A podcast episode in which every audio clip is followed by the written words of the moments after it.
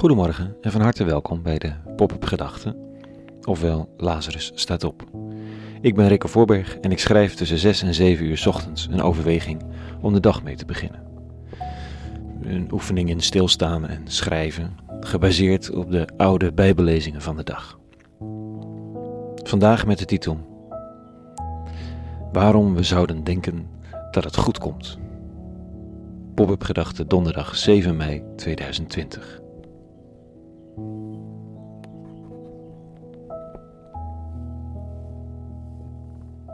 Er is iets onverwoestbaars positiefs te vinden in de mens.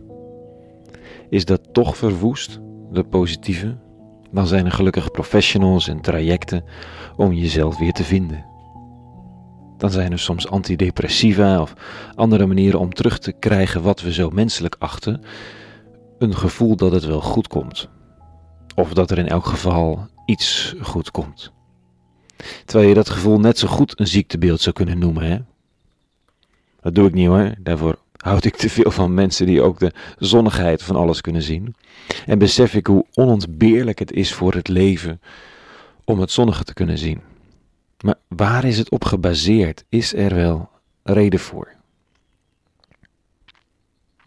Gisteren sprak ik nog met een vriendin hier bij ons tuinhuis. Keurig op anderhalve meter afstand vertelde ik over de Walk of Shame en de redenen van de organisatie daarvan door ons. Ik vertelde over de 22.000 mensen in Kamp Moria en dat dit aantal niet minder is geworden de afgelopen tien jaar, maar elke keer is gegroeid. Dat er 2500 minderjarige alleenreizende kinderen wonen in de zogenaamde safe zone in dat kamp. Wat een levensgevaarlijke plek is, waar onuitsprekelijke gruwelijkheden plaatsvinden.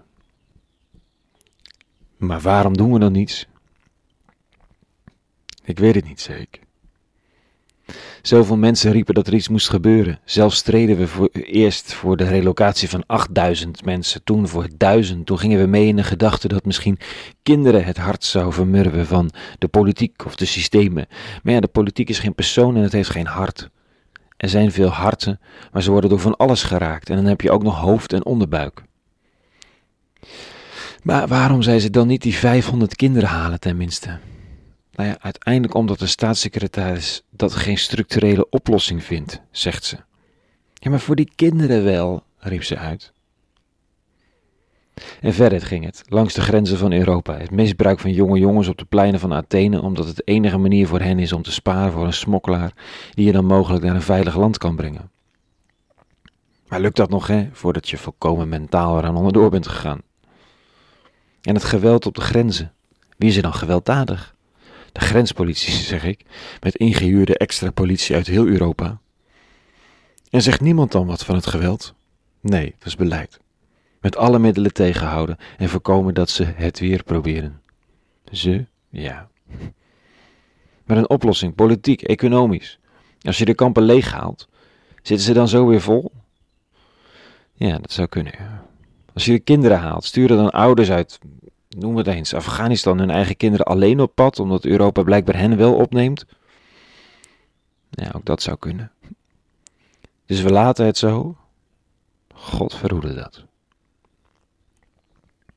De toekomst en de somberheid.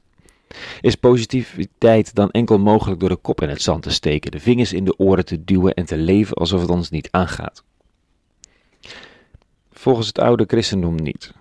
En volgens zoveel in de vluchtelingenkampen die daar leven, niet. Ook niet volgens de helpers die zich daar inzetten, de familie en vrienden daaromheen.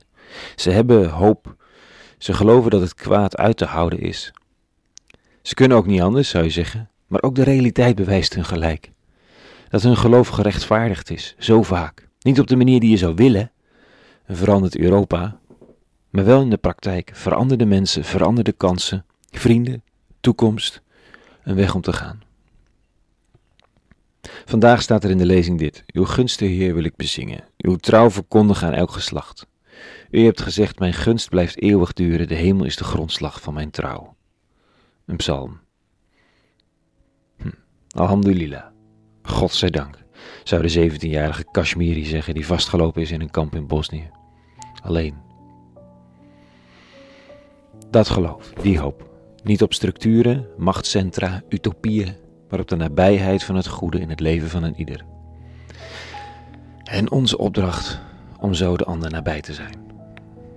Ondanks alles. Een hele goede donderdag gewenst vandaag. En vrede. En alle goeds.